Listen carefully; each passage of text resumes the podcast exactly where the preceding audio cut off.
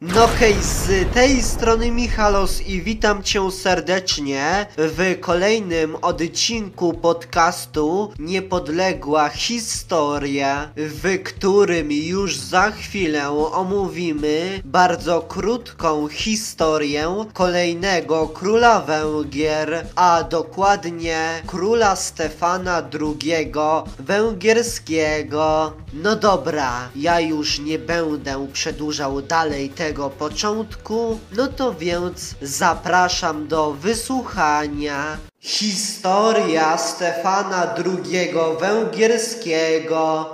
Stefan II Węgierski był synem króla Kolomana z jego pierwszego małżeństwa z Felicją de Hauteville, córką Rogera I, hrabiego Sycylii. No a w 1121 roku Stefan II Węgierski ożenił się z Adelaidą, córką Stefana Burgrabiego Ratyzbony. No a z kolei w 1127 roku bohater dzisiejszego odcinka zdobył Belgrad, Sofię i Nisz. A co ciekawe, znaczna część literatury przyjmuje, że król Węgier Stefan II Węgierski zmarł bezpotomnie. No a Kazimierz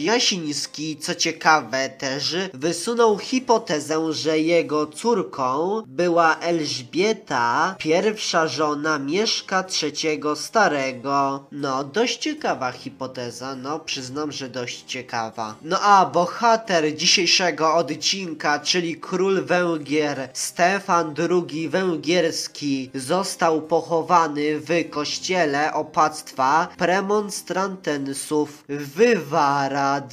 No dobra, to by było już na tyle w temacie króla Węgier Stefana II Węgierskiego. Dzięki, że oglądałeś, bardzo dziękuję Ci za to, że zostałeś do samego końca, za to, że oglądnęłeś ten odcinek do samego końca lub za to, że oglądnęłaś ten odcinek do samego końca. Jeszcze raz dzięki, cześć, pa, widzimy się w następnym odcinku podcastu Niepodległa Historia. No to cześć, pa.